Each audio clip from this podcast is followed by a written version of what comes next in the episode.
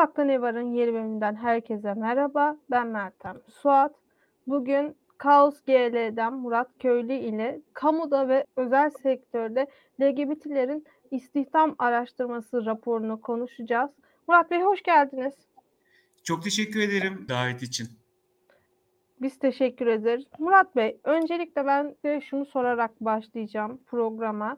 Bu raporu yazma fikri nasıl ortaya çıktı ve raporu yazabilmek için hangi araştırma yöntemlerini kullandınız? Bu anlamda e, istihdam piyasası gerçekten bizim açımızdan çok önemli. Yani sadece rapor bağlamında değil, sendikalarla e, kurmak istediği ilişkiler, sendikalara dönük işte çalışmaları bağlamında, işte 1 Mayıs'a uzun süredir çıkmak e, anlamında Kaos GL veya pek çok diğer LGBT artı örgütleri, LGBT artı emekçilerin, çalışanların zaten durumlarıyla ilgili söz üretiyorlar. E, hatta bu bizim tabii mevzuat çalışmalarımızı da etkiliyor. İş kanununda özellikle ayrımcılık yasağının cinsel cinsiyet kimliği ve cinsiyet özelliklerini de kapsar bir şekilde genişletilmesini de istiyoruz. Ama rapora gelirsek, rapor aslında 2014 yılında bizim aklımıza geldi. O da Amerika'da ve İngiltere'de özellikle çok büyük LGBT artı örgütleri var.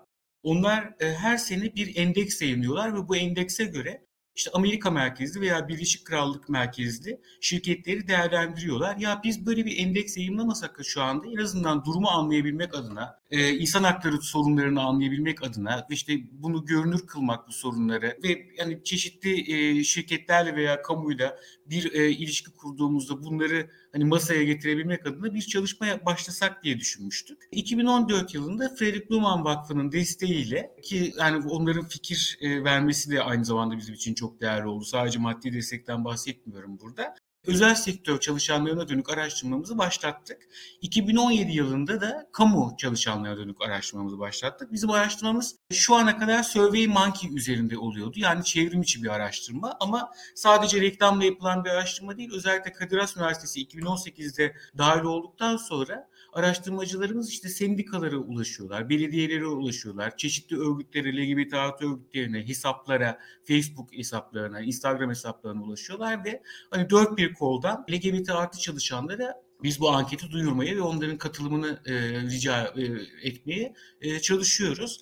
E, metodolojik olarak bunu söyleyebilirim. İçerik oluşurken de anketin içeriği oluşurken de hem yurt dışında yapılan işte bu çok büyük hani Birleşik Krallık ve ABD çapındaki çalışmalara baktık ama onların tabii ki bu sosyal haklar, ekonomik haklar, şirket e, işte dünyaları e, farklı.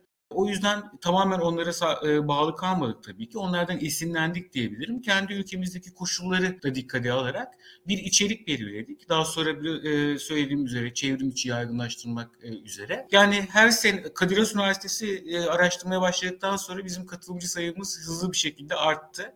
Her sene 800 ila 1000 kişi arasında insana ulaşıyoruz. Aslında çok daha fazla insana ulaşıyoruz ama ankette bir bile yanıtlanmamış soru olduğunda onu yanıtlanmamış kabul ettiğimiz için sadece tam doğrululan anketleri e, hesaba katıyoruz.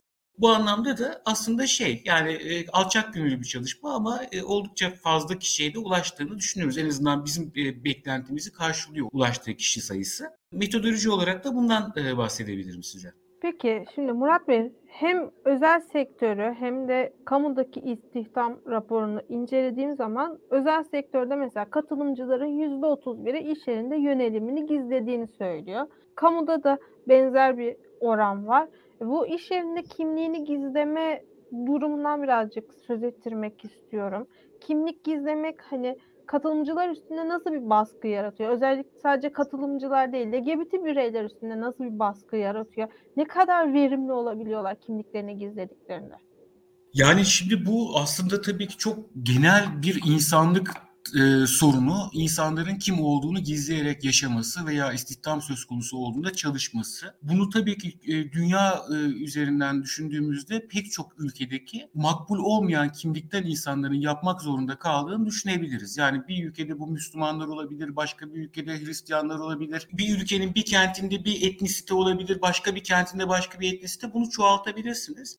LGBT artılar söz konusu olduğunda da bu çok e, derin bir şekilde yaşanıyor. Hatta daha derin yaşanıyor e, diyebiliriz. Çünkü LGBT artılar aynı zamanda kendi ailelerine karşı da e, açık davranamayabilen bir insan grubunu temsil ediyorlar. Ama istihdam söz konusu olduğunda şunu söyleyebiliriz.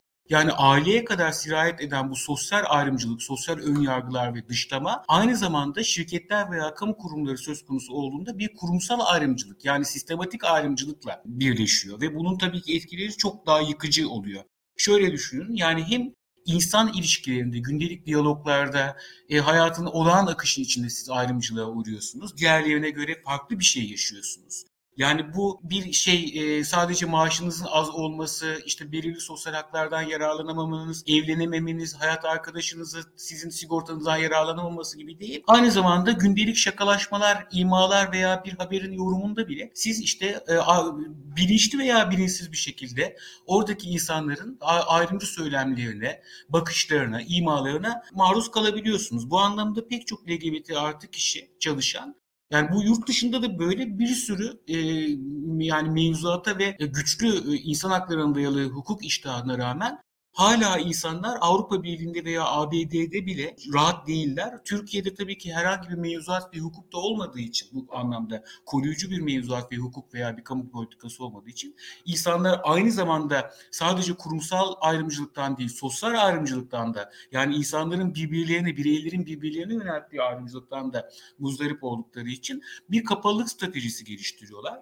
Ee, yani sadece bir sessizlik stratejisi anlamına gelmiyor bu ki bu da çok yıkıcı çünkü çünkü yanınızda size küfrediliyor aslında. Yani gerçekten bir fıkrada siz alçaltılıyorsunuz veya işte bir siyasi haberde işte terör terörist gibi gö- gösteriliyorsunuz ve hiçbir şey söyleyemiyorsunuz. Yani bunu bunu sessizlikle karşılamanın son derece can yakıcı olduğunu her sene bize aktaran farklı farklı katılımcılarımız oluyor. Ama bunun dışında tabii ki bir yandan da kurumda bir yer edinmeniz lazım e, ve sosyalleşmeniz lazım. Bazen insanlar açıkçası olmadıkları bir insan gibi davranmak zorunda kaldıklarını söylüyorlar. İşte kuzenlerini sevgilileri gibi gösteriyorlar mesela veya arkadaşlarını. Çünkü bizim toplumumuzda biliyorsunuz bu işler çok da düzenlenmiş olmadığı için kültürel anlamda veya kurumsal anlamda insanlar çok böyle rahat birbirlerinin hani hayatına dönük sorular sorabiliyorlar. Bunu da sadece böyle e, naif bir merakla değil, gerçekten gerçekten tartmak, değerlendirmek, kafalarındaki bir hiyerarşiye oturtmak için bunu yapabiliyorlar. İşte daha işe alım süreçlerinden başlayarak evlenecek misin, neden bekarsın, çocuk yapmayı düşünüyor musun falan gibi sorularla kafalarındaki insanı kategorize etmeye çalışıyorlar ve onları istihdam alanında da e, görülebilen bir tür toplumsal hiyerarşiye yerleştirmeye çalışıyorlar. LGBT artılar da genel olarak bu hiyerarşiden e, en müzdarip kesimlerden bir tanesi oldukları için LGBT artı olduklarını e, gizlemeyi tercih edebiliyorlar. Ya buna karşı yapılacak şeylerden birincisi en önemlisi tabii ki gerçekten kurumsal ayrımcılığı sona erdirmek. Bu anlamda hem devletin kendi mevzuatını e, düzenlemesi, artı iş kanununun düzenlenmesi ve şirketlerin tabii ki kendi kamu e, kendi e, işte tüzüklerini, yönergelerini, direktiflerini düzen, e, düzenlemeleri ve aynı zamanda güçlü bir mesaj vermeleri. Yani insanların bu tarz bir ayrımcılığa karşı e, durulacağına dair. Herhalde artık yani bu tabii ki satır aralarından devam ediyor falan ama ten rengi ayrımcılığı işte ırkçılık denilen aslında ırk diye bir şey de var olmadığı için ben sevmiyorum o kavramı ama ten rengi ayrımcılığı der, dersem eğer ona yani ona onu mesela hemen herkes lanetliyor. Olur mu böyle şey? Ben değilim bilmem ne gibi bir refleksimiz var. Ha, geri planda hayat nasıl yaşanıyor o başka bir soru ama yani homofobik veya transfobik ayrımcılığın da aslında bundan hiçbir farkı yok. Veya işte din temelinde yapılan ayrımcılığın bundan hiçbir farkı yok. Zaten bütün bu hani felsefenin en e, hızlı geliştiği İkinci Dünya Savaşı sonrasına e, İkinci Dünya Savaşı sırasına e, e, bak, baktığımızda bunu da görüyoruz. Gerçekten pek çok ayrımcılık e, türü e, birbirinden besleniyor. E, bir şablon olarak insan zihnine oturduğu zaman siz size benzemeyen birilerini şeytanlaştırmaya, düşmanlaştırmaya başlıyorsunuz. E, ve bunun dediğim gibi hem sosyal hem kurumsal e, sonuçları oluyor. LGBT artılar da bu sonuçlardan etkilenmemek için e, bu ayrımcılıklardan etkilenmemek için e, özel sektörde ve kamuda özellikle de kamuda e, görünmez olmayı tercih etmek durumunda kalıyorlar maalesef. Peki ya ben şöyle bir şey söylemek istiyorum. Ben şimdi raporu her iki raporu da okuduğumda mesela orada gay erkeklerin genelde en büyük sorunlarının askerlik olduğunu belirtiyorlar ki bu günümüz Türkiye'sinde biliyorsunuz ne yazık ki pembe tezkere diye bir durum var ve bu ister istemez erkeklerin iş hayatında önüne çıkıyor. Kaldı ki Murat Bey siz de çok iyi biliyorsunuz. Türkiye'de yakın zamanda hani sektörde çalışmıyor belki konu dışı ama bir milli voleybolcu Ebrar Karakurt kız arkadaşıyla Instagram'a fotoğraf koyduğu için ne kadar tepki gördü biliyorsunuz. Nasıl LGBT bir birey olabilir diye. Hani en büyük ayrımcılığı aslında insanların gözlerinin önünde gördük. E, raporda gay erkekler mesela çalıştıkları kurumlarda sizin de dediğiniz gibi kız arkadaşlarının olup olunmadığı soruluyor ya da lezbiyen bireylere neden erkek arkadaşın yok, neden sen maskülensin soruları yöneltiliyor. E, bu durumda o insanların özgürce cinsel kimliklerini ortaya dökememeleri gayet normal. İnanılmaz bir baskı var ki hani siz de çok iyi biliyorsunuz heteroseksüel hani bekar insanların üstünde bile böyle bir baskı varken LGBT bireylerin üstündeki yük iki misli artıyor. Evet kesinlikle böyle ve bunun e, biraz önce sorduğunuz soruyla da doğrudan bağlantısı var. E, yani iş yeri barışına bir etkisi var. E, çünkü insanlar e, yani bu baskıyı birileri görüyor, LGBT artı kişiler görüyor. E, birileri de yapıyor. Yani bu yapan insanlar giderek birer otoriteye dönüşüyorlar bulundukları toplulukta. Bunun e, sosyoloji e, çalışan çalışmalarında veya işte iş e, iş e, insan kaynağı yönetimlerinde pek çok yapılmış yurt dışında araştırmaları var. Bu çok toksik bir etki ve e, sadece LGBT artılarda kalmıyor. Sonra işte sis hetero kadınlara yöneliyor. Sonra göçmenlere yöneliyor. Yani bu aynı kişiler bu şekilde kendilerine dezavantajlı gruptan bir kişiyi belirledikten sonra e, bunu iş yerlerinde çoğumuz görürüz. Giderek yani işte eril diyebileceğimiz e, ama illa erkek olmasına gerek yok bu kişilerin tabii ki ama eril bir e, davranış gösteriyorlar giderek kendilerine güç biriktiriyorlar ve LGBT artılardan başlayarak işte başka başka başka toplumsal kesimlerin işte yaş olabilir. E, bir yani bir futbol takımının taraftarlığına kadar bile gidebilecek şekilde birilerini baskılamaya, birilerinin üzerinde iktidar tesis etmeye başlıyorlar ve bu durum iş yeri barışının tamamını etkiliyor. Bir ciddi bir zincirleme reaksiyon haline geliyor. Bu anlamda gerçekten hani kim olursa olsun e, LGBT artı olsun işte başka bir etnisiteden olsun başka bir yaş grubundan başka bir siyasi görüşten bu tarz e, toksik e, ortamların daha baştan önlenmesi e, gerekiyor. İş yeri başının e, tabii ki doğrudan e, hani etkilediği bir başka şey de insanların verimi, iş verimi. Yani biz tabii ki bir insan hakları örgütü olarak ilk başta yükümlülükleri ve sorumluluklara odaklanıyoruz. Yani sen verimli olup olmadığına bakmaksızın bu, bu konulardaki ayrımcılığı engellemek zorundasın. Hem devletlerin yükümlülüğü iş şirketlerinin sorumluluğunda olan bir şey bu insan hakları e, e, literatürüne göre. Ama e, bir yandan da e, verim diye de bir gerçek var. Yani bu kişiler bizim raporumuzda da zaten defalarca bunu her sene tekrar tekrar ve çok güzel sözcüklerle ben on, onlar kadar güzel anlatamam bunları. Ee, e, nasıl e, bir iş ortamında işte homofobik ve transfobik bir iş ortamında var olmanın kendi verimlerini nasıl etkilediğini söylüyorlar kendi bu, bu söylemleri tabii ki sosyal psikologlar da düş, e, düşünüyorlar. Biz şu anda Kadir Has Üniversitesi ile birlikte e, bir iki akademik makalenin yazımını da yürütüyoruz. İşte bir söylem analizi yapacağız. İnsanlar gerçekten işte tedirginlik anlatıyorlar. Dikkatini verememe anlatıyorlar. Bazen öfkeleniyorlar çünkü sessiz kalmaları gerekiyor. Görünür kalmaları gerekiyor. Kendi yanlarında çok alçaltıcı şeyler söylüyor ama bunu hani işlerini tutmaları gerekiyor. E, öfkeleniyorlar. E, hatta böyle bazen işte bunu yapan insanlara dönük olarak nefret duyguları e, taşıdıklarını ve nefret hissetmemek istediklerini, bir paradoks yaşadıklarını çünkü eğer nefret hissederlerse öteki e, insanlara benzeyeceklerini falan söyleyen insanlar oluyor.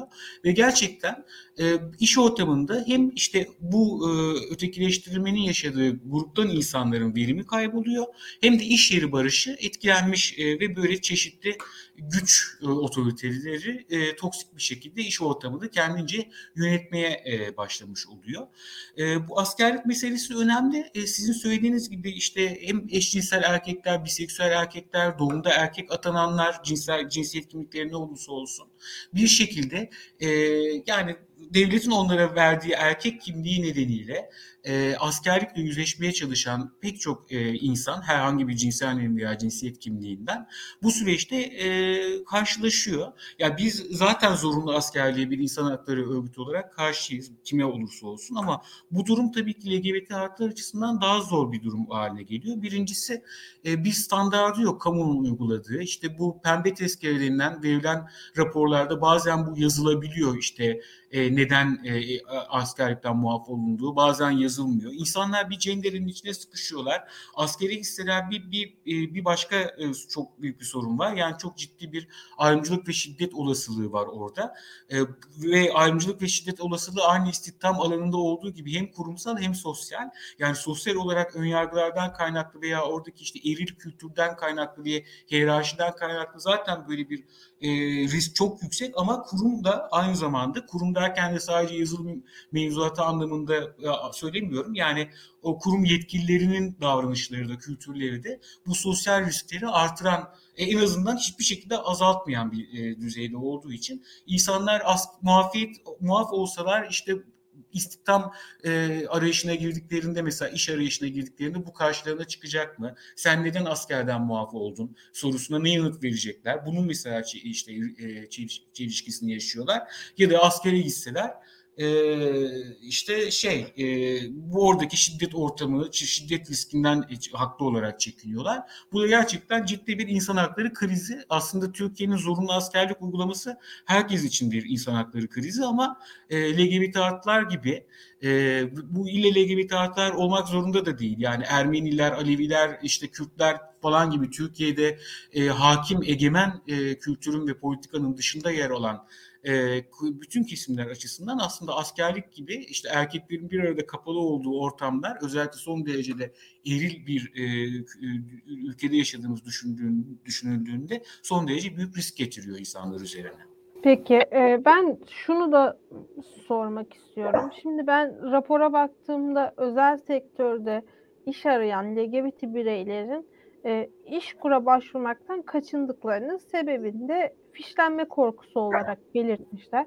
Ben şunu çok merak ediyorum. Ne gibi bir fişlenme oluyor işkura başvurduklarında? Yani o başvuru formlarında evet bir klasik cinsiyet kutucuğu var. Kadın erkek hani ekstra bir cinsiyete kesinlikle mahal vermiyorlar ama başka bir fişlenme durumu çıkıyor mu? Yani buna dair benim birinci elden bir deneyimim yok. Benim de e, hani üzerine düşündüğüm bir konu. Bunu biraz tabii ki aslında algıyla açıklamak lazım diye düşünüyorum ben. Yani ben de gerçekten iş kurum yani umarım öyle değildir artık çünkü tam bir distopyada yaşıyor yaşıyoruz anlamına gelir. Gerçekten insanları fişlediğine inanmak istemiyorum. Yani böyle bir birinci elden deneyimimde kesinlikle yok. Bir algı olabilir bu insanlarda. Çünkü işkur en sonunda algısal anlamda onlar da devlet, bir devlet kurumu. E, ve devletin de hani o o an için e, niteliğini veren, o insanlar e, karşı o insanların algısındaki e, niteliğini oluşturan şey hükümetin tavırları ve tutumları oluyor. E biliyorsunuz son yıllarda Türkiye'de hükümet LGBT haklara karşı son derece haşin, sert bir e, tutum belirlemiş durumda. Yani en üst düzey devlet temsilcisinden işte e, bakanlığına kadar hatta insan hakları mekanizmaları bile LGBT artılara karşı hiç insan haklarına dayalı olmayan söylemler ve hani politikalar geliştiriyorlar.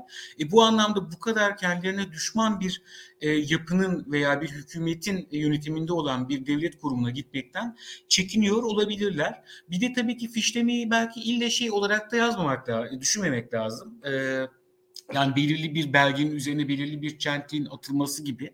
Ha bunlar da oluyor olabilir dediğim gibi. Yani ben hani olduğunu hiç şu ana kadar kendim deneyimlemedim ama oluyor da olabilir. Yani neler neler gördük bu ülkede hiç olmaz dediğimiz şeyler karşımıza çıktı ama yani sadece o anlamda da değil. E işte biliyorsunuz biraz önceki o informal sözlü kültür bağlamında işte insanların birbirlerine bunu söylemesi, birbirlerine bir bilgi vermesi, o iş iş yerine bunu işte yönlendirme yaparken belki araması, işte tanışma, tan, tanıtılma, e, cinsel yönelim veya cinsiyet kimliğinin kendi rızası olmadan işte ve istemediği bir ortamda ifşa edilmesi gibi, ortaya kom e, çıkartılması gibi şeylerden çekiniyor olabilirler.